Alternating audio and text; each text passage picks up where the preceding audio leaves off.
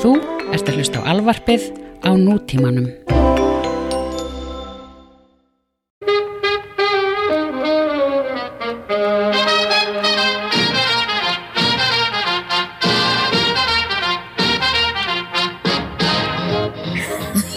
Komið í sælublessu. Komið sælu blessu. Komið í sælublessu. Ok, gott fólk Já. fyrir þá sem er að hlusta. Já, Mamma mín, sem sagt, og kannski Og mögulega kannski- mamma þín. hverjir velvaldir einstaklingar hann úti sem að leggja við Já. hlustir. Á þennan, Svona einhverjir- e, Þessir fimm sem er að hlusta. já, á þennan glænýja þátt og uh, við ættum kannski að kynna okkur. Já, á ég að kynna þig. Já, Hérna hinum einu línunni, við erum á Skype, sem já, sagt. sikvar landi. Hinum einu- hinum einu hnetturum í annari heimsálu er Dröfn Ösp Snorradóttir Rósas. Mikið rétt, mikið rétt. Konan sem var of stór fyrir Reykjavík og eina borgin sem að hendar henni vel er Borg Englana, Já. Los Angeles. Los Angeles. Gott að vera með þér hérna. Sumu leiðis, mikið er þetta notalegt. Nú á móti mér á Skype glugganum og í eyrunum er hún Hanna Eiríksdóttir og hún er heima í Reykjavík í kuldanum að hafa það opuslega kósi og preppa sig að hún fyrir á Seinfeld quiz í kvöld ef að við svona. Nei, það er reyndar á morgun. Er það á ok. morgun? Ok, það er á morgun. En ég hef það mjög kósið og það ég ligg upp í rúmi að gera þetta. Ég líka. Við gætum ekki gert þetta ef við værum í útvarpi. Nei, við getum það ekki. Og þátturinn okkar heiti hvað? Englarík. Englarík. Englarík. Alveg. Velkomin í Englarík. Velkomin í Englarík. Uh, ég verða að fá að segja að allt í einu þegar við kveiktum á rektakkanum þá leið mér óþægilega mikið eins og ég væri á fyrsta deiti. Já, það er skiljulegt. Þetta, er- þetta, er- Var það allt í einu rosa meðvitið um allt sem ég er að fara að segja. Já, maður vil svona vanda sig og, og segja hlutina fínt og rétt og já, þannig náttúrulega er verið að hlusta á okkur núna, þannig að við erum kannski að passa okkur kannski að, að segja ekki eitthvað vitleysu, er það ekki?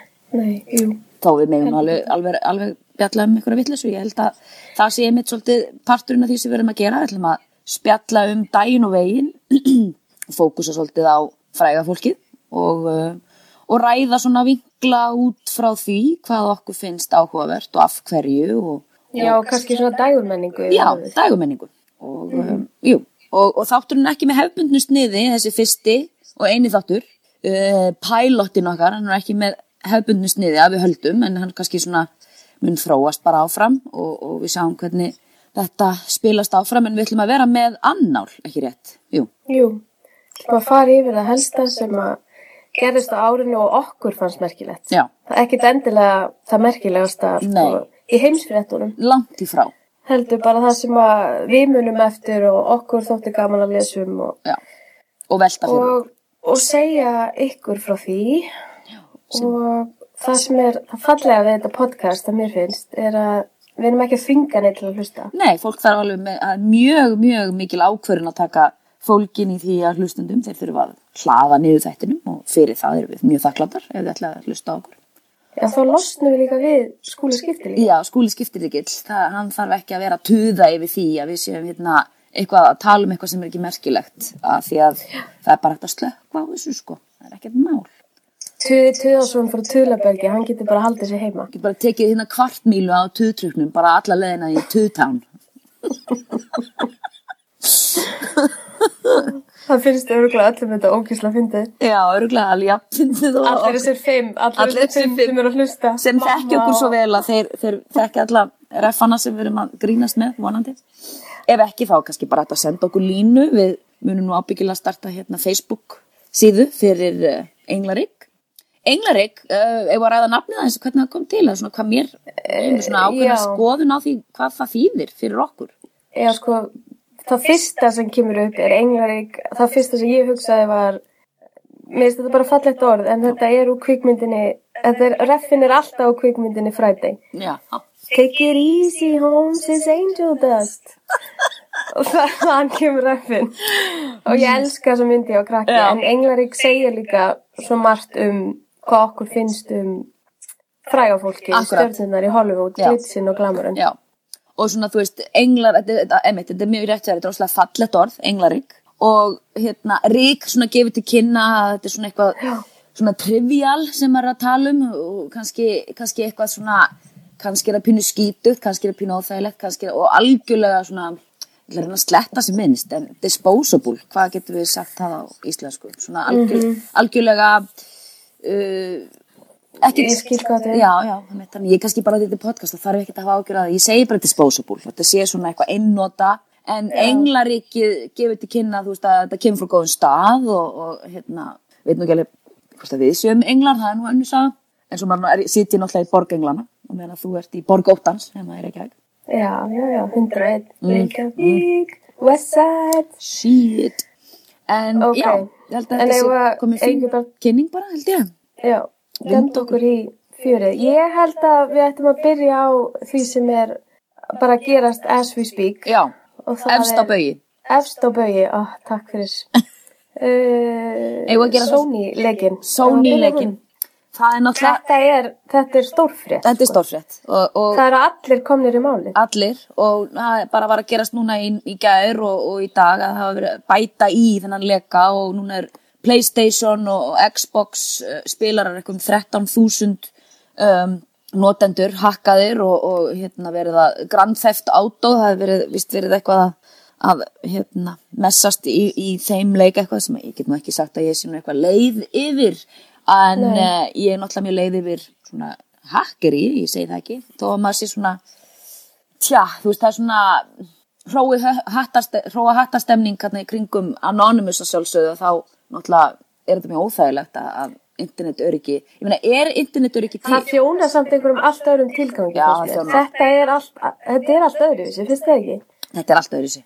Jú, jú, þetta er allt öðru sig og þetta er bara svona til þess að koma, koma höggi á, á Ameríku og, og, en sko, umræðan svolítið hér er, er þetta í alvörunni leki frá Norðurkóriu og, og mikið skeggrætt hérna og fólk fóri nú alltaf að segja það út af því að, ekki á opinberum vettvangum út af því að það er hérna, að því að þú veist, fólk vil ekki láta fara í málvissi fyrir að segja að þetta hafi verið i- inside job. Ég meina, það var mjög, sko, hátt sett kona hjá Sony sem að er hérna á einni, einni heimasíðu sem ég hef séð sem heitir gotnews.com. Það er einhver bladamæður sem heitir Jonathan Langdale sem segir að hann hafi tekið eftir því að hátt settur kvenkins senior system administrator hjá Sony corporate payroll hafi verið rekin núna 2014 og sé eitthvað líklega og hún strókað út Twitter reikningin sinn og eitthvað svona þetta sé fúli hérna, starfsmæður sem var rekin sko.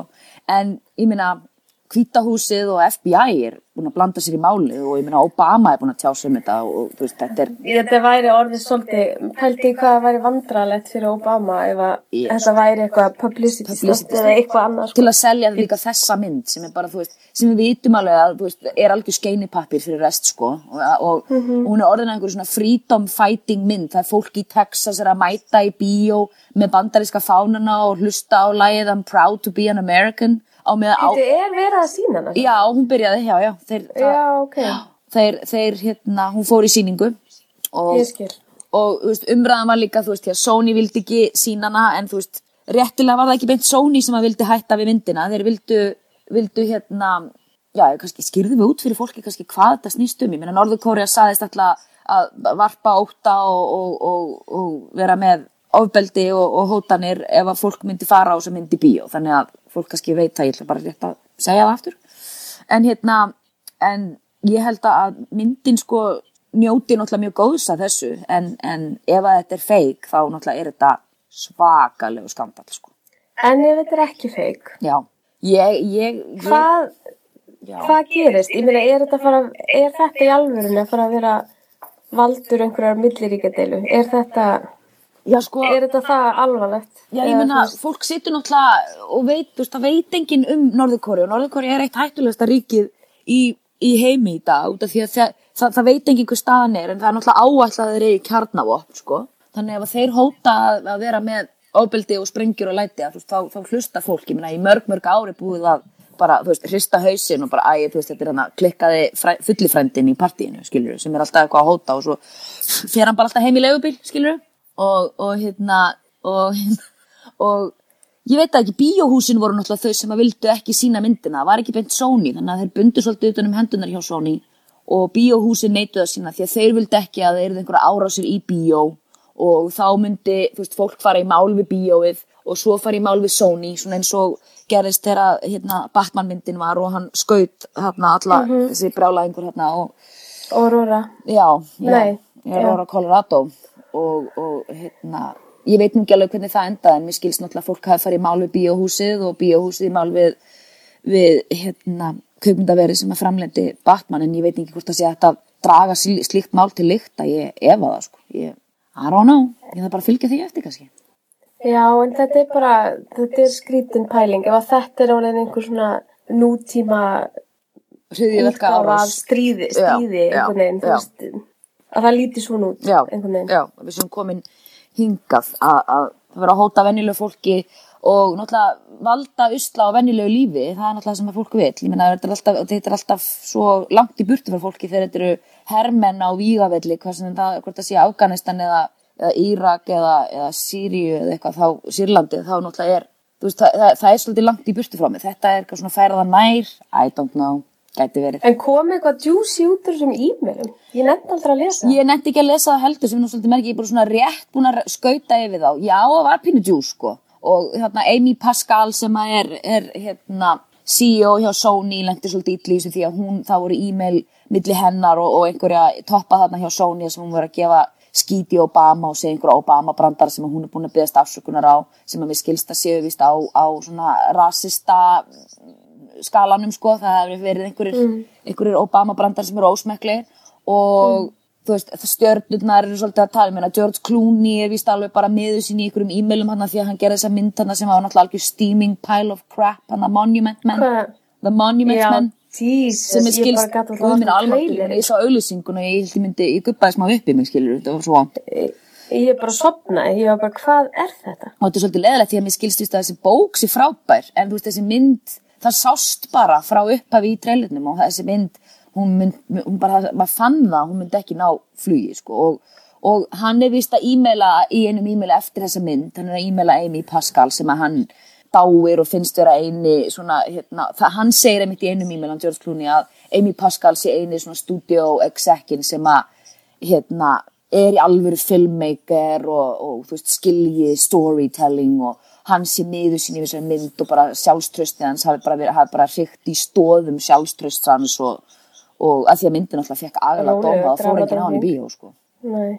það var bara, þú veist, rjúkandi lortur eins og maður segir hérna, hérna með Mm. Já, og jú, jú, það, það eru fleiri, ég meina, Idris Alba verið að segja að hann ætti að vera ný bond og svona í e-mailum og, og, og hérna, Já, þaðan kemur það. Já, það er, Sú- það er í mjölum um Idris Alba sem að við þekkjum og elskum Evra Bond og það kom reynda ný frétt núna bara í vikunni sem er agalegt það Rush Limbaugh, hérna veist hver hann er Já, hérna hægri sinnaði hálfvitin. hægri sinna Í hálfvitið kjaft fór með, sinn, með sitt podcast eins og nú erum við bara í sama, við erum bara með podcast eins og hann og hann náttúrulega er hann er bara Það er alltaf lága til að vera svo ræðs. Já, alltaf. hann er svo mikil fyrirmynd í lífinu, þessi maður.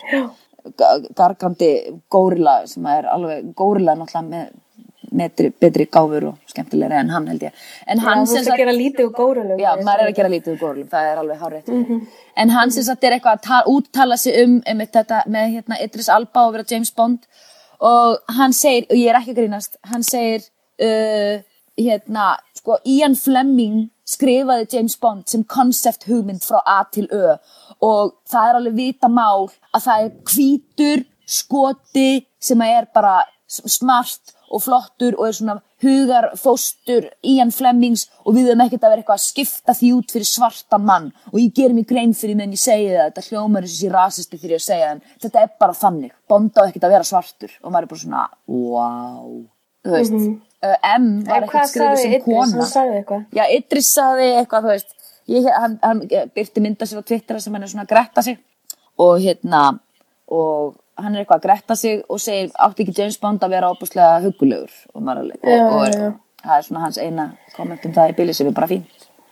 Æ, samt, þetta er ógislega hræðslegt. Já, ég meina, En en, ég, ég, en ég er samt eitthvað, mér finnst Daniel Craig svo góð band. já, Ég nefnir bara vil bara að Daniel Craig gera þetta í nokkur átti við. já, ég er sammála því það, ég, Ég er ekki alveg tilbúin að sleppa takið. Nei, ég vil ekki nýjan bond strax, ég, ég er alveg sammálaður, ég vil alveg þrjár myndir. Það er svona endurvaktir svona, svona gleði mína að horfa á bondin. Algjörlega. Og, Ekki út af því og bara handritin og... já, já, þú veist, þeir það hefur tóku bara og breyst. rebootuðu þessu fransæsi alveg út af því að þú veist, þetta var ekki þú veist, þetta var orðið svo cheesy þú veist, þetta var orðið svo hallarinslegt þú veist, þannig að þeir, þeir svona gerðu svona þeir svona, hvað heitir það þeir, hvað heita myndina með hérna, þeir svona borna identityðu Já.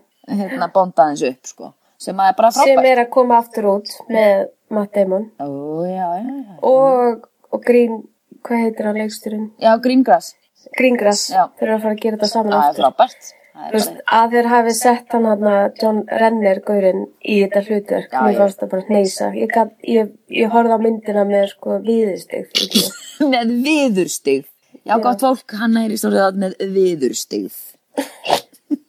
hann, er, hann, er, hann er sko engin Matt Damon það Nei, er bara við hann sko er ekki hafa það sexy. alveg á henni hann er ekki sexy en þú veist líka sögursagnar ég, við náttúrulega erum að fara út fyrir það sem við erum en sögursagnar náttúrulega hérna í Hollywood er náttúrulega Jeremy Renner sé hommi já, giftur hommi eða, sem sagt, já, hann sem var þykist barn. þeirra já, Mér finnst þetta bara held ég með því sorglegra sem ég hef heyrt Já. er að, að það eru og þú getur ekki verið samkynniður já Mér getur finnst það ekki- svo sorglegt það er náttúrulega mjög sorglegt því að þú veist ekki er Dustin Hoffman var ekki einhverfur þegar hann leik í Rain Man ég meina þú veist þetta heitir að leika for a reason því að fólk leikur það er náttúrulega hver sem er ætti að geta leiki hvert sem er en það bara Hollywood elitan er bara mjög konservatív þegar allt er á botnin kvart sko Það er ekkert mál að vera samkynniður og vera söngvari, þú veist, ég meina, ég get nú ekki sagt að sé ekkert mál, mann alltaf alhafir, en þú veist, það er auðveldar að díla við það heldur en að vera leikari, sem er náttúrulega bara skelvilegt. Af hverju það að vera munur þetta milli? Já, mm. En skil ekki skilða ekki. Og um, já, En sem sagt, eh, þurfum við eitthvað að klára þetta Sony-máli eða? já, Það verður spennandi að sjá hver framhaldið já, verður. ég held að við munum halda áfram að sjá hvað framvindan er og, og hérna, ég held að svona, bara ef við tökum saman að þá náttúrulega, var Sony hakkað, það lag út þetta, þeim var böndi fyrir hendunar að þeim að sína myndina og er þetta fake eða, eða er þetta alvöru norðuru kóriðu hérna hakk, Þa, það er eitthvað svona sem að er svona ennþá til umræðu, ég meina núna meðan að þetta er tekið upp, þá er ég svona pínu hallast ég að því að þetta sé hakk frá norður kóriðu, þó maður sé bara með hvað, með 486 tölvu eða þú veist, maður veit ekki alveg hver tæknilegir burðir þeirra eru þarna í norður kóriðu, því að þetta er náttúrulega, maður veit ekki neitt, en um, ef að þetta er fake þá er þetta náttúrulega bara þjóðarskandall sko, þú veist, og, og bara þú veist, þeir, þeir ættu að skamma sín mér í raskand og það, ef það, það kemst í ljós þá verður þetta bara svona eins og hérna, meðan að hérna hvað var það, ekki Daily Mail, Daily Mirror þú veist, það verður bara svo Nei, var Daily Mail, eða ekki? Nei, Daily Mail er Hún ennþá hérna, já, nei, hérna Sunday, Sun, Já. oh, Sun, Sun. til Sun, The Sun, já, því þeir eru þeir bara þú veist, þessi hlerunarskandall hjá þeim var bara til þess að það eru bara skellilega og svo loka því blaði, skilur Já. ég ef að það nú að Sony loki hurðunum en, en hérna Það, það, það fá allavega margir hérna að fjúka. Já. Allir toppatir allavega. Já, pottet sko. En já, allir þetta sé ekki komið gott um Sony, held ég bara. Og þá er þættinum lokið í dag. En já, Nei, takk fyrir krakka, þetta er búið að vera frábært. Uh, ég vil endilega hoppa í sem mér finnst vera bara svakaleg frétt Já, og það er freaking Bill Cosby. já. Bill fucking Cosby. Bill, Bill, Bill, hvað gerðist? Já, Ég, ég er orðlös já, já, já, já, það eru allir orðlýsir. Þetta er bara, þetta er eins og karakter úr stundin okkar. Væri bara, þú veist, bara eitthvað svona þjóðargersemi sem er bara, bara ónætt. Ég meina, þetta er bara, Það, það gerist líka, þetta, ég á rosalega erfitt með svona, ég, sko, ég efast það ekki eina sekundu að hann sé, það er bara of marga konur búin já, að stíga saman á fram. því. Það, að hann skuli ekki einhvern veginn vinna öðruvísi úr þessu, Nei, þú veist, koma öðruvísi fram, Já. heldur en að segja bara allar konur sé að ljúa. já, eða miskilja lífið eða eitthvað Já, já. ég næði ekki en mér- það- ég fæ alltaf svona konflikt innra með mér þegar ég heyri um einhver svona listafólk eða einhverja fræga Að sjálfsögðu. og að því að maður er náttúrulega búin að kynferðisbrotamál. dásta og sérsta, þú veist, já, ég fæ alltaf bara svona ah, Já. og er hægt að separata manneskjuna frá listamannum, Listinni. ég veit það ekki Nei, ég veit ég, Þetta er þú mjög veist, erfitt. þetta er að sami með Woody Allen, Polanski Já. ég, þegar ég byrja að hugsa um það sem þeir hafa gert að þá fæ ég, ég verð bara um gjössalega með maður verður alveg bit og einmitt, þetta, þetta er mjög erfitt að, að skera þarna á milli og, og ég meina Michael Jackson mannst ekki, ég meina það voru Já, ásakanur á einmitt. hann og, og þú veist, ég hef aldrei einhvern veginn getað setla þetta reyfrildi í haustum á mér með hann út af því að ég náttúrulega held mjög mikið upp á hann og allt það en ég meina margir getur ekki litið fram með þessu og hinu en þú veist, svo er náttúrulega hinn vingillinn að fólk er náttúrulega að reyna að græða pening á þeim og en þú veist, þetta er bara svo mikið jarðsprengisvæða að ræða þetta því maður vill ekki gera lítið úr fórnalömbum ef, ef að þetta er satt og, og Ameríka er svo flóki land og fólk er, það, En fólk, já, hvað gerist með Bill Cosby? Ég meina það er ekkert að gerast. Það eru bara allar svo konur að stíga fram. Já. Það er enginn að fara að gefa út einhverja eina ákjöru á hendur hans. Það þurfa allar að gera það individually. Já. Eða, hver og einn. já, já, nákvæmlega, nákvæmlega nema það verið bara eitthvað klassaksjón hjá þessari Gloria Allred sem er svona aðal hérna, aðal svona lögfræðingur hún er svona stjörnulögfræðingur, hún Gloria Allred stjörnulögfræðingur í LA og er alltaf þegar það eru þú þú veist, hérna ofbeldi gagvart konum, hvort þessi nöðgun eða þú veist, einhver NFL-gaur er að lemja konu eða hitt og þetta, þá er hún alltaf sko, hérna fengin fram og, Stjörnulagfræðingur. Já, hún er stjórnulegfræðingur í því, já. Og uh, er eða alltaf svona fighting champion fyrir konur, en það er líka át af því að, og við veitum hvernig það er, því að öll umræða um glóri og alrætt verður alltaf líka mjög, mjög svona, þú veist, það er alltaf svona pol polarizing, þannig að- að það er náttúrulega fylgt af fólki sem bara finnst hún vera svona aðtiklis sem að stekkur á neyð Mm, klart. hvenna og, og, og þú veist, sem er bara viðbjöður, skilju, þannig að maður, hún náttúrulega sjálf henni var nöðgað og, og þess, þú veist, þannig að hún er búin að lifa þetta og hún lifir og andar þessi, Er það þá ekki bara svona baráttu kona að lífa sá? hún er það, sko. Og, en voru búin að segja fólki kannski hvað Bill Cosby máli snýstum, ég held ekki. Nei, ég, ég er alltaf að ganga út og ég er að vita. sem að ég held að ég, þeir sem er að hlusta viti nú kannski alveg öruglega hvað hann tala um Bill Cosby náttúrulega er ásakar um að hafa nöðgað, ég, hvað er komnar yfir nú yfir 20 Naugað, misnotað, káfað á, Já. brotið á, Brotið á. brotið á sko, kynferðislega svona 15-20 konum. já, já, allavega. já, það er allavega komin held í 20 konur sko, þú veist, þetta, og þetta er á bara Og á öllum tímabúndum lífsans. lífsans, á 40 ára tímabili 50 ára tímabili, eða hvað sem það er, ég meina hann náttúrulega er, maður séu, hann er fættur hann er 77 ára gamall sko Og þegar hann var upp á sitt besta í sjómorfi þá var hann með einhvern aðstofamann Já. sem að bara borgaði þessum konum til þess að þegja. Já, og hann svona, Var- ha- þessi aðstofmaður, manstu, hann er búin að koma fram og segja að hann sé Já. miður sín því að hann hefði þurft að horfa í hinn áttina vitandi hvað var að fara að ganga á, sko, sem er náttúrulega bara hryllingur, hryllingur. Ég skil ekki af hverju, hvernig þú getur bara snúið við Hann og, náttúrulega, og veistu lokaði það, hann er náttúrulega greinilega Ég skil bara- það ekki. Brjálaslega veikur maður sem að trúir líginni svona svakalega, hann bara, hann er yfir það hafinn að fara yfir þetta. Ég held að það sem að sé... Hver þá, Cosby? Já, Cosby, algjörlega. Ég meina þú serðu, þarna serðu að kynfyrirsofbeldi og þú veist í garð hvenna Já. snýst ekkert um kynlíf Ekki heldur vald. neitt. Nei, nei, það snýst allt um Það er bara, vald. það er, þarna, þarna serðu það alveg svart og hvíta allar frásagnar frá öllum konum og það að hann þurfi að gefa þeim hérna Lyf. róhypnol, Já. þú veist til þess að deyfa þær, þú Já. veist að þá næra hann, þá er þetta svona tvöfalt, Já. sko, hræðilegt, Hryllingur. ég bara, og svo ég náttúrulega, held, þú veist, svo er Bill Cosby búin að sko úttala sig síðustu 30 ár, búin að vera gefandi skýt í sko sérstaklega svarta hérna stand-up artista eins og Eddie Murphy og eins og, eins og Richard Pryor og þú veist, gefa skýt því að þeir bölva svo mikið og í- segja fokk og segja hitt og þetta og Hannibal hérna, það er, það er hérna nýr stand-up sem að ég er mjög hrifin af hann heitir Hannibal, hann leikur í Broad City hann, þetta byrjaði svolítið aftur því að hann Já, var í hann stand-upinu byrjaði- sinu að segja, þú veist, ég Já. vil frekar uh, að fólk fá að segja fokk eða segi fokk, heldur en að þú nöðgir einhverjum og Mhm. þú veist, þetta svona byrjaði svolítið að rífa, ríf- rífa upp aftur þetta er náttúrulega, það var mál fyrir tíðanum síðan sem hann sjallaði sko out of court, hann borgaði bara þeirri konu sko, þannig að það fór í burt en það, þetta er bara svona fegurð internetsins Já. og með, þú veist, við getum rætt það líka se- aðeins meira á eftir að þú veist, með allir þessar hnattvæðingu, það er verið að afhjúpa alla dúsbakana. algjörlega, og það, er- það, þú þarft ekki Og hann er bara einn þeirra, nú er bara einn maður ge- tekinn upp á myndband, það er sett á YouTube, Já. svo fer það bara væral Já. og allt í einu koma fram bara 20 konur, bara heyrðu, ok, nú ger ég þetta. Já, algjörlega, Þú veist. algjörlega og Mér emitt, finnst það geðveikt. það er náttúrulega bara Ég elska. frábært og þú veist, það þurfi ekki þurfa að fara í gegnum eitthvað, þú veist, BBC kanala eða RÚV eða whatever sem það er að hafa engan aðgang að bladamanni eða vettvangi til þess að sína fram á, emitt, það er svona að segja þú getur bara tvitta, þetta á Twitter eða YouTube og það er bara svona poetic justice, algjört, sko Þannig að ég veit ekki hvernig En það endast ég held, að, ég held að þetta sé, ég las viðtal við Chris Tucker um daginn, Já. nei, Chris Rock, Já, fyrir já, það sem að hann er spurður út í þetta og hann þú veist, hann sagði bara, þetta er svo erfitt fyrir mig, þetta er svo erfitt fyrir mig Já. að tala um þetta, Já. ég, ve ég veit ekki, ég vil ekki trú þessu, ég vil ekki trú þessu, Nei. Ég, þetta er fyrirmynd svo margra Já. svartra, svartra manna, Já. bara, þú veist, hann er fyrsti maðurinn í bara dægumenningu, bandarinski dægumenningu sem var bara primetime þáttur Já, sem að allir horfaði meina hann var síndur á Ísland. hann var síndur á Íslandi, þetta var ég var nú mannst Þetta ekki er- þegar kom nýr, nýr þáttur og alltaf allir svo upp,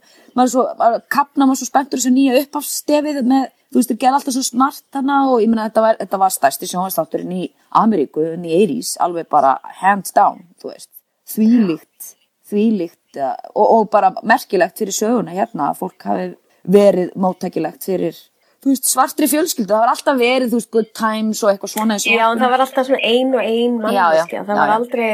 Nei, aldrei full cast, sko. Nei. Þannig að hann bara, ég, ég bara vonið þessi ekki satt, ég vonið þessi ekki satt, ég veit ekki hvað ég segi um þetta, hann bara, Já. hann, var, hann gat ekkert sagt. Nei. Sem er líka, ég veit það ekki.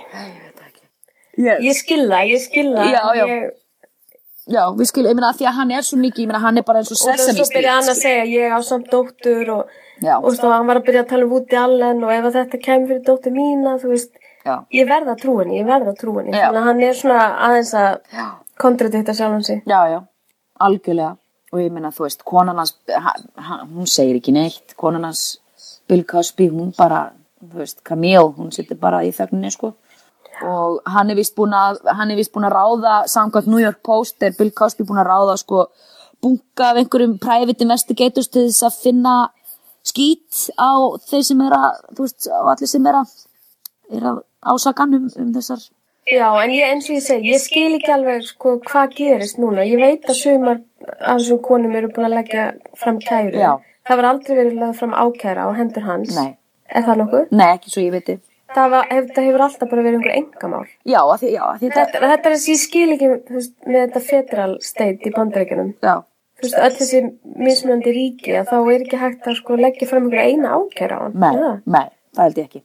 Nei, ekki, ekki þegar maður séð svona class action, þá eru, en ég held að class action þá ertu komið með sko stóran hérna, hópa fólki sem að það er ábyggilega að vera x mikið af fólki til þess að kæra og þá fer það til hæstaréttar eða eitthvað slúðis, ég bara er ekki nógu vel aðmynd til þess að vita en svo líka, þú veist, hefur hann pottet verið að gera þetta í bæði í New York og í Kaliforníu, það eru mismunandi lög þar á milli og þú einmitt. veist, þetta er alveg bara Þetta verður rosa flókið. Já, þú veist, Janis Dickinson segir hann hafi nöðgað sér, þú veist, við erum að tala um og fólk hérna var bara, ok, Janis Dickinson þú veist, whatever, þú veist, fólk var ekki að skýti hana gamlu supermodelöta því að, þú veist, hún náttúrulega segir, hún ímislegt en þegar Beverly Johnson kom fram þá, þá var bara, Já, þá var bara búið að slá í lás og búið að skella í lás, þá var alveg bara, já, ok, þú veist, hún er ekki að, þú veist, stærsta supermodel, fyrsta svarta konan sem var á Vogue uh, coveri Forsíðu ever. Vogue, já, já.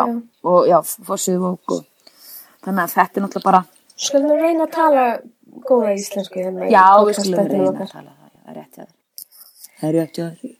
Já, ég, já, ég bara hlakka til að sjá hvað gerist. Já, En hvað, ég myndi óska þess að maðurinn myndi bara koma fram og játa brúð sín. já, já, ég veit það. Ég bara, Af hverju hann er, það er búið króana af svolítið, Já, já. finnst mér. Hvað, hvað ætlar að streytast á móti lengi? ég bara, þú veist, hann er ábyggilega bara, hann er svo langt í, hann er svo langt í burtu í líginni, sko, að hann, Hann, hann er bara, hann er, hann er bara síkopat. já, hann er bara síkopa, hann bara trúir þessu sjálfur að þetta ekkert hafi komið upp á, þú veist, Remember, it's not a lie, já, if you believe it. if you believe it, God bless you, George Costanza. I don't know, how do you do Oh, it? boy. Já, bless, blessaði Bill Cosby Blessaði en Bill ég hérna finn ekki til með honum Nei, ég Ég verð að hef segja ekki það. sagt það. Ég geri það.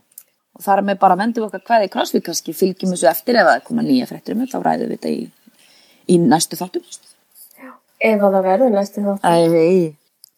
uh, Hvað, eh, eigum við að taka elevator gate? Já, ég held að það verði vist að vinda okkur beint í eitt stærsta skandalinn á mínum, mínum kvarða í ár. já, já, elevator Það er elevator Viltu- gate. Viltu hérna aðeins að Lísa, segja fólki frá? Já, hvað gerðist? Elevator Gate gerðist hérna bara fyrra árinu og það er þegar að Metropolitan hérna, ballið var í New York og Sem er árlegt ball árlegt ball, voða fínt tískusema Svaka og gala. allir, þetta er stærsta tískusýning í heimi fyrir utan, hún er stærri tískusýning heldur en Óskarinn og uh, Jay-Z og Beyoncé vinnur okkar, hana, Jay-Z og Beyoncé Stór Íslandsvinni. Íslandsvinnirnir, stórvinnir um, eru náttúrulega þarna að hafa það næs og gaman og Solange, systir Beyoncé Já, eða þú meina svo langi. Solange eða Basement Baby eins og hún er kölluð Greið, alltaf Greyið. í skugganum á sýstu sinni. alltaf, í sku- það er ekki gaman að vera systrinnar Beyoncé nema kannski bara, Mm. þú veist, að fá að vera með í enga þóttunum eða eitthvað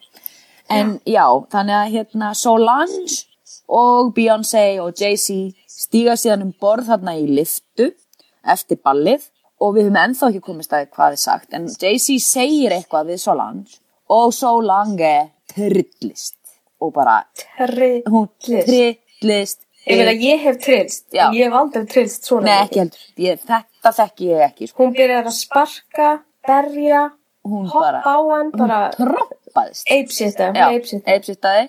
Lífurinn heldur höndunum á henni og hún sparkar karatesbörk sko með báðum fótum í, Í hælinn, áttina á væntanlega. Jay-Z. Og meðan öllu þessu stendur, stendur Beyoncé bara grafkjur, Já. segir ekki orð, er ekki eins og neina að stoppa hana Nei. og uh, svo bara er liftuferðin búin og þau lappa þetta út Stór glæsilegt. stórglæsli brosandi, haha, Beyoncé og Solange fara saman í bíl og Jay fer einn í bíl. Já. Þannig að nú Það fyrsta, ok, það fyrsta sem við höfum rætt þetta Já. út af því að þetta, við, við þurftum að ræða þetta. við þurftum að ræða þetta. Við elskum Jay-Z og Beyoncé, Elskum. bara þannig að það sé alveg á hreinu. Já, Um, fyrsta sem ég hugsaði þegar Beyoncé stendur hana Já. og hreyfir sig er bara, hún er, henni finnst hann eigið þetta skilið. Já. Hún ætla bara að leifa sýstir sinna að taka þetta út fyrir sig, Já. fyrir sína hönd. já. Það var það fyrsta sem ég hugsaði. Af því að Og við það var einhver saga að hann vildi fara í eitthvað partí með Rihanna Ríönu, já. og það hefur alltaf verið eitthvað viðlóðandi frá því að Umbrella, Ella, Já, já. Ella, Og lagið kom sa- út. Já, já. Hann að sæna það hann. sé, hafi verið eitthvað svona Emmi. eitthvað þing, eitthvað á milli þeirra Já. Og og hún náttúrulega Rihanna er á samningi hjá plötufyrirtækinu hans Jay og, og er náttúrulega hann tíu árum yngri en Beyoncé og, og þú veist, opaslega falleg og allt það og þannig að það er svona... hún á hanga- ekki sens í beig sko. Ha, nei, sko, nei, hún á ekki, ekki, ekki okkar heimi, skilur við. nei, nei. En ég meina, þú veist, fólk er, ég ætla ekki að segja menn, af því að það er alhæfing. Já, Fólk er mjög breyst og ég meina, fallegasta fólk hefur, haldið fram mjög fallegasta fólki í heimi, bara, þú veist. rétt já, Ég rétt. meina, ég meina hana, Demi en við, Moore og, við, við höfum rætt þetta Já, já. þau get ekki skilið nei, þau mega það ekki. það, er hérna- hef, það hefur eitthvað komið upp á hjá þeim já, þú veist, platan hennar, það er svona inn í og enda og svo allir plötunni Ég veit það. eitthvað, gef eitthvað, þú veist mér hefur ekki liðið eins síðan að við eignast barnið, já, samt eh, get ég ekki hægt að elska þig já, eitthvað, já. það er eitthvað það hefur eitthvað komið upp á og, og svo söng hún, ég fór á tónleikana hérna í uh, On The Run túrin sem að var með þeim hérna stutt eftir að, að þetta gekk allt saman í gegn og við rættum með mitt okkar á milli að, þú veist, það bara, það væri ekki séns að þau getur skilið, það er náttúrulega tvent það er, að- fyrsta lagi, hendar það persónulega ekki mínu sálarlífi að þau skilið nei, það, ekki mínu það er ekki bara að fara að ganga upp en ég meina hana, Bruce Willis og Demi Moore skildu og það var Já. sko skandal sko. Brad Pitt og Jennifer, Jennifer Aniston. Aniston. Ég held að það myndi aldrei gera. Nei, ekki aldrei. Og hérna, og í öðru lagi þá náttúrulega var hérna komin í pípunar, hérna, eitt stærsti túr bara í í sögunni, so far, sem er þau tvö og fólk náttúrulega, þú veist, ég meina, það eru Pepsi samningar og þetta og hitt og þetta, þannig að það var, það var bara, það hefði verið ómögulegt fyrir þau að slíta samvistum til þess að halda áfram síðan einhvern veginn risatúr sem átt að taka næstu nýju mánuði eða hvað sem það er, skilur Þannig að svona, það er svona viðskiptalegir hlutir bara Hagsmunir, það það hagsmunir gengur ekki. bara gátu ekki, bara það var ekki séns. En á turnum, þá var hún einmitt að syngja söngkarna lag sem, að- sem nota benni, sko, lag sem að var á Victoria Beckham plötu og þarna, það sem hún syngur breytir textan en það sem hún segir for 12 years we've been together og eitthvað lal sem, og í læginu er það 5 years eða 6 þannig hún breytti nákvæmlega í tíman sem að Beyoncé og Jay hafa verið saman og she had the half of you but she'll never have the half of me þú veist, algjörlega þú veist, og svo þegar ég var að tónleikum þá Ég fæ bara gæsa úr þegar við erum að tala um. ég, já, já, já Jöfull, hvað var hann að gera?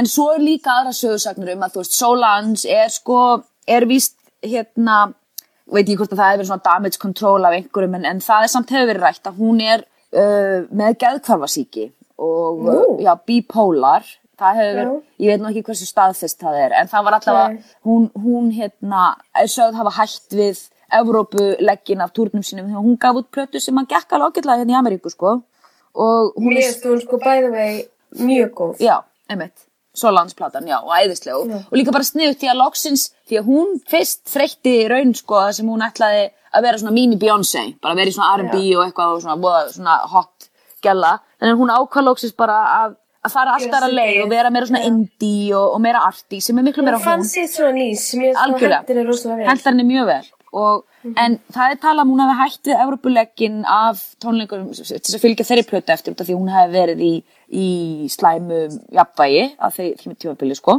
Mhm. og, en svo er líka sögursaknar um að hún sé svona partískvísa og eigi til að fá sér í nefið og eitthvað svona þannig við sem sko og kannski að Jay hafi hreitt í hana í liftun eitthvað þú veist hérna, einhverjum, Já, já, já. einhverju um það sko, Já. þú veist hvað allar ekki að fara að dópa þau upp eða eitthvað svona ósmekklegt sko og, og hérna og hún hafi tilst þannig að þú veist við, við munum aldrei vita þau ætla ekkert að Beyoncé mannst hún sagði þú veist shit's gonna go down when you put a billion dollars on an elevator af því að þau eru Mhm. Einmitt. virði biljón dollara Nó til þess að reyka landspítalinn í 2-3 ár, minnum ég. já is en vissið þú að amerískur miljardur er ekki það sama og íslenskur miljardur Nei? amerísku miljardur eru 100 miljónir, íslensku miljardur eru 1000 miljónir. Nú. Mm. Takk fyrir þetta. Já. Þetta, you're welcome. Knowledge, Þá message. þarf ég alltaf eitthvað að fara að endurskoða þegar ég er að þýða fréttir Já, í vinnunni. já, Er ég þá að ruggla með tölur, kannski? já, geti verið. Já, Áhugavert. já. En hvað heldur samt með Beyoncé og Jay-Z? Heldur Ég- að... Tja, ég, þú veist, Ég, ok, ég veit þetta er sko svo sjálf að segja þetta, það sem ég er að fara að segja núna. Að myndum að dæma. já, þá virðast að vera í góðum gýr. já, Ekki Oj. það að það segja neitt. uh-oh, já, ég er sammála, ég, ég, ég meina, þau virðast hafa, virðast hafa komist yfir hvað sem það var sem að gekk á og ég meina, ég sá eitt svona panel sem var að ræða þetta og, og sá panel. Panel? Já, ég er svona panel í sjónvarpi, svona grín panel, þú veist, hjá henni Chelsea Handler. Já, já, já. og það var mjög fyndið og það var einu ógeðslega fyndin hún Nisi Ní sem er svona svört standögt kona sem er ógeðslega fyndin og það var ekkert um að kvítt fólk og það var allir að ræða þetta og hún sagði ég ætla ekki að, honlega, ég ætla nú ekki að alhæfa um okkur svart fólk en þú veist I don't know how you deal with your problems but that sounds exactly right to me þú veist svona höndlu við bara vesinn í minni fjölskyldu það fólk, ég er alveg ok þannig að þú veist þetta eru hennar orð ekki mín og mér finnst það nú kannski fyrir farlegt ég er nú alveg handus um að fólk höndli sín vandræði kannski ekki svona en, en það var það Nei, sem nei. hún vildi menna í sínu grínu Nei. þessi kona, blessunni, blessunni. En eigum við aðeins að fyrst við erum að tala um þau að þá var náttúrulega frétt ásins á Íslandi bara þegar þau heimsóttu landið. að sjálfsögðu, Ég sá svarta þyrlu og ég var bara, þetta eru þau. þetta Ég eru veit þau það. þetta eru þau, Þetta eru þau. oh my god Queen- Queen D, Queen D. hún var einmitt bara í gær, nei býtu á jóladag setti Beyoncé á Instagrami sitt alveg bara 6-8 myndir af Ég- Íslandi, Það veit all alþjóða því það kom í fréttum rúf já já um já, kvöldið, sko. já já já Talandi um gúrkutíð, það Já. var bara að vera að mjölka allt saman. mjölk allt, já, Beyoncé og Jay-Z það eru guði Þetta var, ég, ég, mér fannst svolítið gaman að sjá þessu myndir. Ég var að snarra. Afsakið. Afsakið. Afsakið. Snarra. Afsakið. Já, ég, mér varst mjög gaman að sjá þessa myndi líka. Ég verði að segja, mér höldi vel á sér staðið þarna heima að um, það er bara kvissaðist hvergi út í raun og veru hvar þau voru og þau virðast hafa svona frjálstum höfu strokið og geta hafa verið í friði og fengið að flotta þjónustu hjá hverjum sem sá um þau þarna heima. Ég, Já, ég meina það, það voru náttúrulega einhverju ljósmyndarinn á myndum aðeins sem viðist fullkomlega já, eðlilega. já, já, já. Ég, ég skil ekki þetta hugafar, akkur meður það ekki bara verið í friði. Þetta er frægasta fólk í heimi. Frægasta fólk í heimi. bara, mér finnst fullkomlega eðlilegt að fjölmjölar tala um það og reynir kannski aðeins að elda þau uppi eins og það hefði verið gert hvað sem er. Hvar, annars staðar, ég meina. algjörlega ég er alveg sammála því. Alveg sammála því. En ég meina það náði bara, það var bara einhver eitt ljósmyndari sem náði, þú veist, hliðarmyndaðan. Það hefði þess vegna geta verið, sko, Ég. já, bara Palli og Lalli, skilju. Já, einmitt, um, Em, þau eru líka svo mikið klætt að þú veist að það hefði ekkert skipt máli Já, bara það þarna er er Beyoncé, líka maður er einmitt. Mhm.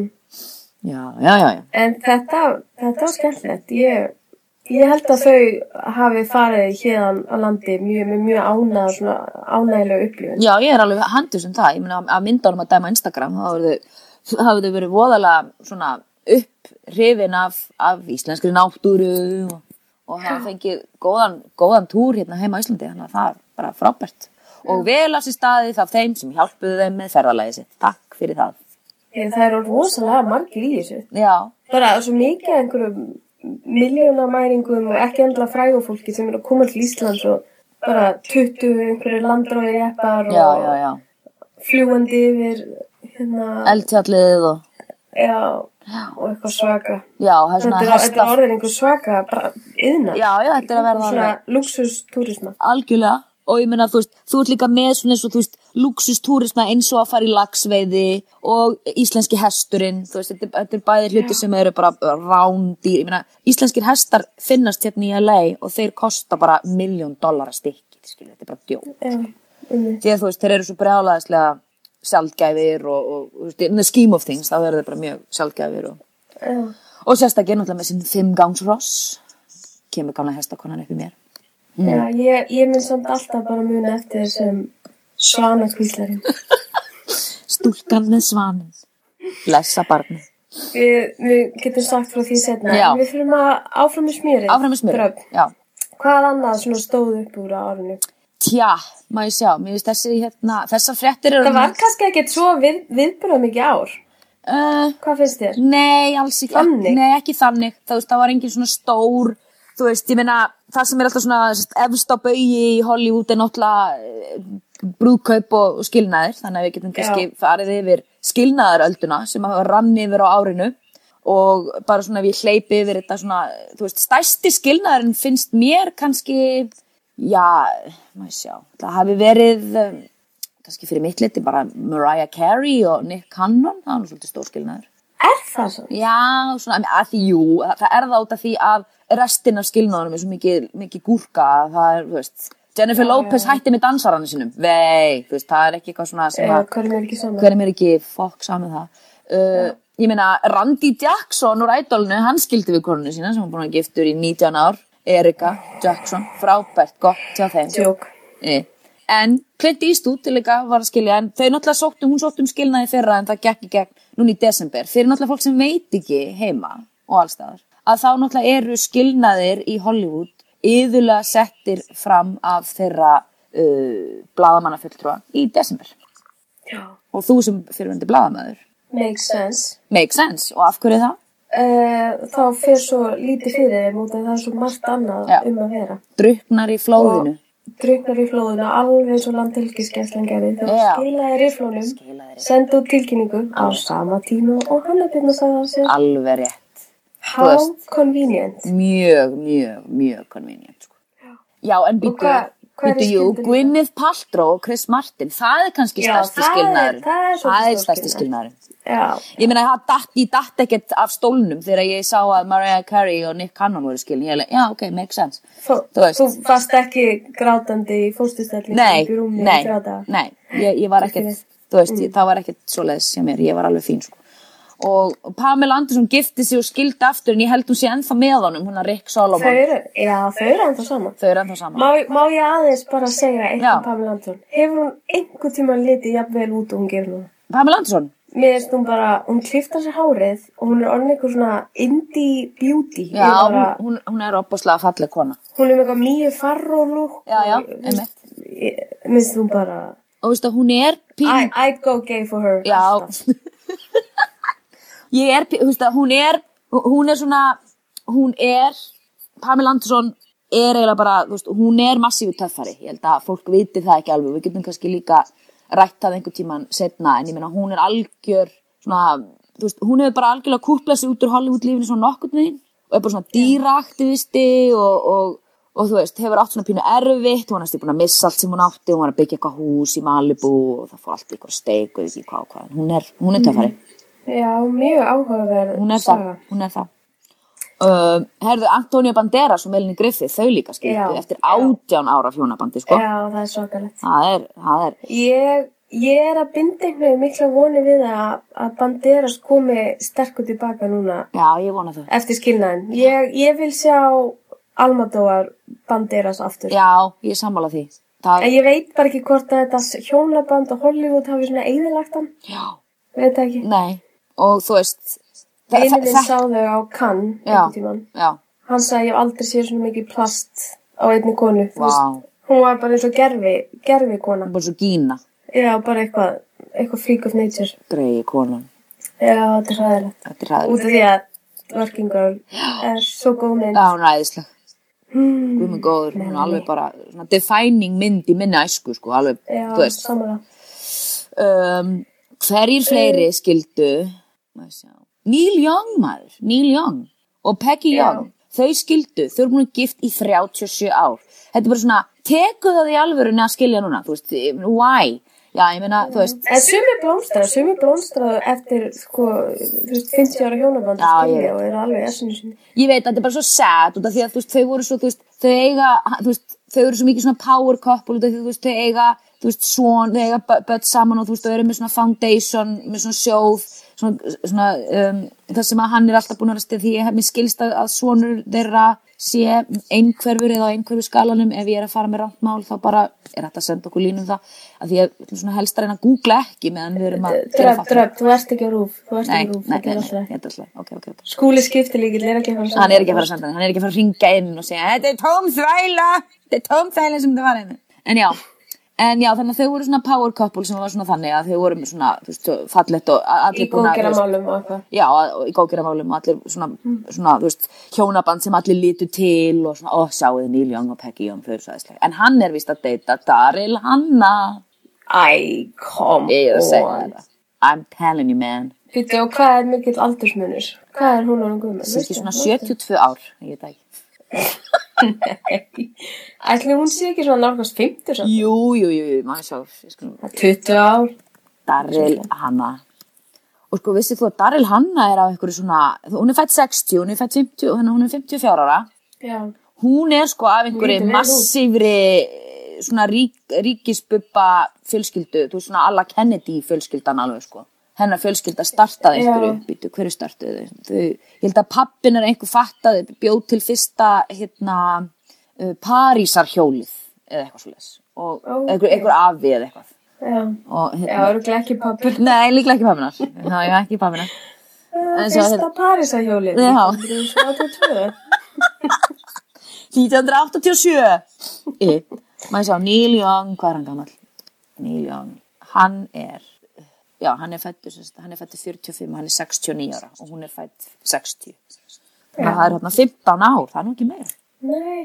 Maður lætur- Ég get aldrei samt verið með svona, Nei, eða þú veist, nei, þetta er ég vil orðið ekki okkar. segja gömlu mann, ég vil ekki vera með einhverja fordóma. en- Nei, nei, en þú veist, Já, ég hefði, ég hefði yngt upp, hefði ég verið. ég líka, ég hefði, þú veist, ég skil hann, ég skil hann ekki. Já, hann er örgulega bara eitthvað, "Woohoo, score, Daryl Hannah.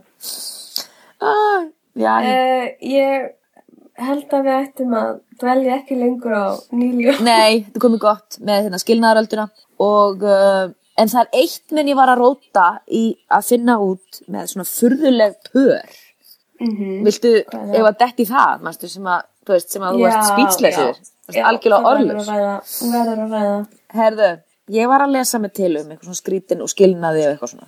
Rakst ég hérna ekki í lítinn móla, gullmóla, það sem að, og þetta er sko úr Ellen DeGeneres þættinum, sem að er hérna, sem er svona óbræfinn fyrir þáttur hérna úti, hann hún er bara hérna daglega. Herðu, Colin Farrell, hjartaknúsarinn, knái, Mhm.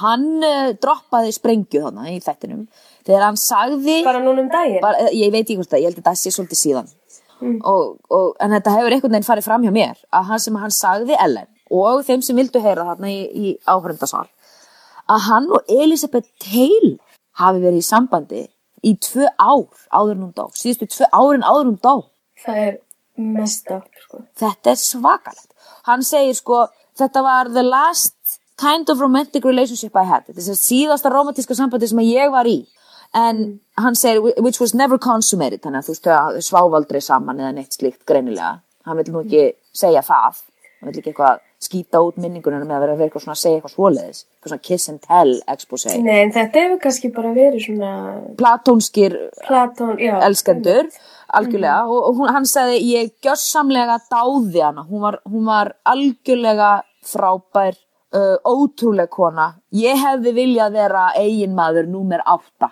en við Veist. For urðum real. ekki, það var ekki til nóg mikill vegur fyrir okkur að lappa samferða í lífinu þangað. Pældi sko, Sko, því! Þetta fyrirgeðu, við skulum bara aðeins bakka. Já, Hvernig, hvernig gerðist þetta? ég, hvað, Hvar voru þau? Já. Þú veist, hún er í hjólastól. Já. Nei, Síðusta ára æfis. já, og algjörlega, þú veist, ég veit það ekki, ég bara Ég, en hittist hann er búin að vera ytrú, er það ekki? Jú, hann er búin að vera Ég held að hann hafi verið í einhverju svona, le, svona, þú veist, leita sjálfum sér. Hann hefur verið svona endur Já, upplifa sjálfan sig. Já, já. Og leita, þá, ég minnst það kannski ekki skrítið að hann hafi leita eins og ég held að Elisabeth Taylor sé öruglega ein mest sérmennandi kona, já, bara sem fyrirfinnst. já, algjörlega. Ég get alveg ímyndað mér að hún sé rúslega heillandi Já. og líka þótt hún var orðin svona öldruð. Já, aldruð og, og, og hrum, þú veist, en hún bara, hún var svo mikil snillingur, þú veist, hún var, hún var svona, Ég get alveg ímyndað mér að þetta hafi verið á einhver svona, einhverju verðlaunasýningu eða, eða þú veist, hérna, já, eða hista á e- einhver- einhverjum, eða, eða hista á einhverjum, einhver svona, góðgerða, já. góðgerða, góðgerða, Já. já, hún alltaf var Góðgerða, algjör góðgerða. góðgerða, góðgerða frík, sko, var alveg bara Og einn hann hefur setið hliðin á hann og hún hefur sagt einhvern svona brandara Já. hann hefur kveiknað einhver nisti. heitlaðan upp úr skónum og hann sagði, Já. heyrðu, ég vil hitta þig og svo hefðu hist í lönns og Já. upp úr varð einhver stórkustlega vináttur. Einhver sem að- djúbst, djúbstæð vinn. Já, ég held það. Já. Ég sé þetta alveg fyrir mér. Ég En sé Þetta er þetta. kannski ekkert svo skrítið. þegar Nei, maður- alls ekki. Ég, ég, þú veist, hún var svo beitt og fyndin alveg fram á dauðadag. þú veist, Hún var að gefa skít í þú veist, þessar smástjörnur í dag eins og Lindsay Lohan sem er alltaf að vælum að vera í, vera í blöðunum og hitt og þetta. Hún, le- herðu, En Ég meina, létt Lindsay Lohan ekki einhverju jú, hún leik hana. sjómasmynd létt hún Elisabeth Taylor. Já. Þetta er bara vandar. Sem, veist, þetta er svo vandræðilegt, sko. Þú veist, að ég hefði verið betur, betra fett, sko, heldur en, heldur en Lindsay Lohan. Aftur, ég vil alltaf blanda mér inn að til þess að sína fram að hversu fáránlegt það er, en já, ég hefði verið betra fett. Og Já. þú veist, þetta besta setning sem ég man eftir að Elizabeth Taylor sagði um þetta slúður, sko, hún sagði, já, já, þannig að þið eru semst að vælum það að vera í einhverjum, hérna, slúðudálkum og svona, hún hefði talaði við mig bara, þú veist, þegar þú hefur lengt í því að páfinn fordæmið þig, ok? Já. hún lendi í því að páfinn fordæmdana fyrir, og það var fyrir hún stál náttúrulega eiginmanni Debbie, Burton. Debbie, já, nei, nei, hún stál, Nei, hérna, nei, hún stál já. hérna, eiginmanni, eiginmanni Debbie Reynolds, vinkonu sinni, Já, því þau veitu voru hvað hét náttúrulega hann bestu aftur? vinnir, hérna maður sér, Debbie Reynolds, Þetta var svaka skandal. nei, ég Á meina sínum þetta tíma. var rosalega skandal, uh, Debbie Reynolds var gift, bara, bara, Eddie Fisher, Já, Já. þetta finnst þér. pappi Carrie Fisher sem að var í Star Yes. Wars Um mig. þannig að hérna, og sko, sem er svo fyndi sko, því að þú veist, þau, þau byrja þau, þau voru fjögur bestu vini sko, og fyr- fyrsti eiginmaðurinn hennar eða ekki fyrsti, það var hérna eiginmaðurinnar, þáverandi eiginmaðurinnar Elizabeth Taylor og Eddie Fisher og Debbie Reynolds voru svona alltaf saman að hittast og svona fara út að borða og svona, svo, svo bara Já, svo svo bara, bara, ó, ó. oppósi æjæjæj, Já. stala Eða, eiginmaðurinn sko. Já. Það er örgulega mjög, sko, það er nú alltaf vant að vera hafna, en að vera hafna og Elizabeth Taylor átti hlut, Úff. þú veist, jafna maður sig eftir svoleiða, sko, ég veit það bara ekki I Jesus. Já. En já, Já, þetta var svolítið merkilegt, ég er hérna, við þurfum samt að ræða eitt, Já. áður en að, áður en þessu yfir líkur. þætti líkur. Já, Það eru rassarnir, þetta var á rassisins. rassins, Rassisins. þetta var á rassins. Þetta var Það gerðist. klárlega ár það sem að rassin, hvenn rassin var yfir öllu. Rassin réði ríkum. Hvað gerðist? Ég, hvað veldur? Hvað, þú veist, það var, þú veist, rassarnir hafa alltaf komið inn og út sko. Já, þannig að, inn þú veist, og út, það er ég. 96, þú veist, þegar, þegar Jennifer Lopez kemur fyrst fram, þá eru allir að tala um Já. rassin á Jennifer Lopez. Já. Bara, þú veist, það er 96, 98 í hérna latinbylgjunni, mást ekki, það var Ricky, Já. Ricky Já. Martin og, og Mark, Mark Anthony og allt alveg bara á repeat. Og hvað, Enrique Iglesias. Enrique, svo er náttúrulega, hvaða rass var hérna næst eftir það sem að, ég meina, hvað Ég var? held, ég held að það hefði bara verið Kim Kardashian sko, Já, og, sy- og já. þennar systur. Ég veit ekki hvort þetta gerðist eitthvað með, sko, ég gæti alveg trúa því að þær hafi startað þegar voru að taka svona rassa Já, selfies. ég held það, já. Út af því að svo hefur þetta bara farið á Instagram og bara, þú veist, máttur internetsins Aftur komum er við að bara því. svona Já. svo mikill Já. að þú veist, ég fyrir ræktina núna og það eru stelpur, unga stelpur nú hljóma ég eins og ég sé 87 ára. 87 ára, já. sorry, Það er hérna þetta unga stelpur. það eru unga stelpur og þær eru ekki að lifta, þær eru bara að liggja á dýnum og eru að taka svona einhverja rassa Æfingar. selfies af sér. Hnjabeigur og rassaæfingar til þess að bústa the badanganong. Já, það hefur bara, það var aldrei fleiri konur á Íslandi gert nýja beigur og Nei. þú veist, ég er í kraftlýftingum og núna. Já, Það er bara merkilegt. rassinn. merkilegt. Um, Ég, það, ég, já, þetta er, og svo komu allir þessi lög, mér fannst það nú reyndar alveg ógeðaslega hallarslið. já, Þannig að Nicki Minaj-leið og Jennifer Lopez-leið. já, Anaconda og, og þú veist, þetta, þetta er með henni Iggy Axelia, eða hvað sem hún heitir. Já, já, já. Æ, ég ætla að vera úslega vond og segja eitt. Ég menn hún er ekki greið, hún er ekki beint mann, hún er ekki beint í genalótt og hún er í framann, sko. Nei, En, þú Nei. veist, hún var hæfileikari. eða það? Já, ég, Ég- ég, ég veit bara, ég, ég- veit ég ekki, nenni ekki ég að veit, hlusta á ég, ég, ég, nei, ég bara veit ekki vera ógislega vond. Herðu, en það er hérna, rúmið mitt er að vera tilbúið á grundi, það er að fara að... já, ég... en, já, Anaconda, Þetta er merkilegt. Ég- Anaconda hvað með... heldurðu, hvað gerist svo næst? Svo fyrir rassinu tísku og... rassinn fyrir úr tísku, hvað kemur aftur? Já, ég meina, þetta, þetta brjólutnarinn aftur, verður það aftur aðalatrið? Ég veit ekki, þetta rassinn sé svolítið komin bara Mér til... finnst skára, rassaði skára heldur en brjóstaði. Já, já, já. Ég, ég held að þessi ra rassa, þetta þessi rassa brjálæði út um allt. Ég meina, þú ert með Nicki Minaj, þú ert með Coco, vinkona okkar Coco, konans Ice-T sem við dýrkum út á. Já. Og uh, þú ert með Kardashian systur sem er nú aldeilis break the internet, þessi rass náttúrulega er náttúrulega bara eitthvað djók, sko. Mér finnst það svolítið flottir, ég verð að segja eins og þér. Já, já, auðvitað, ég meina, þú veist, þær eru, og ég er eiginlega bara svona pínu glöð, eina sem ég get glaðist yfir með Kardashian klanið, að, að, hérna, er að, og nú hljóma ég líka þessi sjúkslega gömul og, og sjúkslega bitur eitthvað, en það er, hérna, að líkams ímynd þeirra er ímynd sem að ég er bara mjög ánað með að sé hérna úti, þó að það séu, sko, ég hef unnið með þeim, ég hef verið nálagt þeim og ég get sagt þér það að Chloe er svo falleg þegar þú ser hana up close Hmm. Mm. og Chloe er þessi hávaksna. Hávaksna, já. Á- Ægum við að núna vera svona svo hefnundunur og vera með hipsterakrukku eða eitthvað til þess að þegar við neymdroppum eitthvað svona agalegt að þá þurfum við að setja tíkall eða hundrakall í, í hérna, plebbafötun okkar. Plebbi. Já. já. Að Við getum gert það. En hérna, Susvili pleb. svo svílu plebb. Og hérna, Did I just hear a name drop? you sure did. Og hérna, og skal ég segja að hérna, þær eru mjög grá, þú veist, ég, e, það, fólk sem er að kalla þær sko feitar og það, þú veist, það er náttúrulega bara, þú veist, þá er ég bara eins og fíll við hliðina á þessu fólki, sko, þú veist, það, Einmitt. og, en hérna, því að það náttúrulega eru bara, þú veist, það er alltaf öfgarnar, ég meina, öll slúðublöð hérna úti, annarkvort, she's too scary skinny, eða þú verður að missa 10 kíló, þú veist, það er aldrei neinn miðja þarna, þú veist, það er aldrei neinn alveg djöfulli þessi í fínu formi og, og heilbrigð og glæsileg og þannig að þú veist, því meiri kannski svona fjölbreyttari líkamsýmyndi sem er að núti, því, því betra, ég meina, Lína Dönna, menn bara snillingur í þessu, sko Já.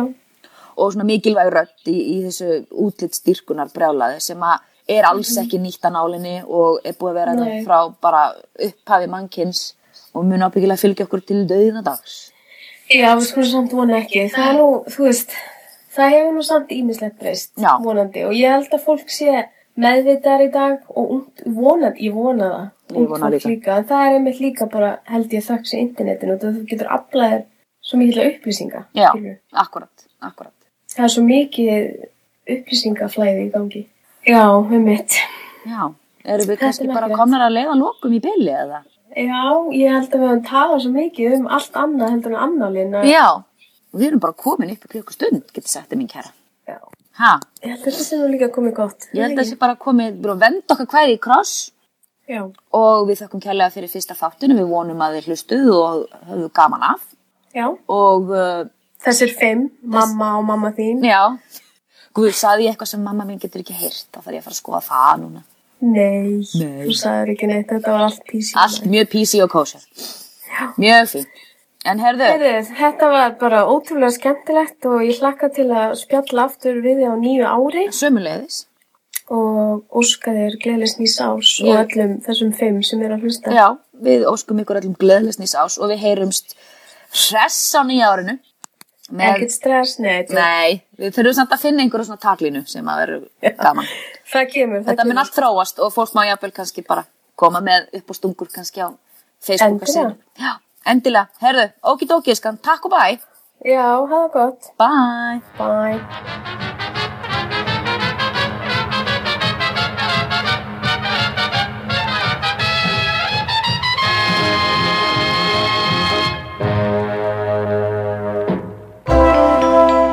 Þú finnir fleiri skemmtilega alvarpstætti á nútímin.is.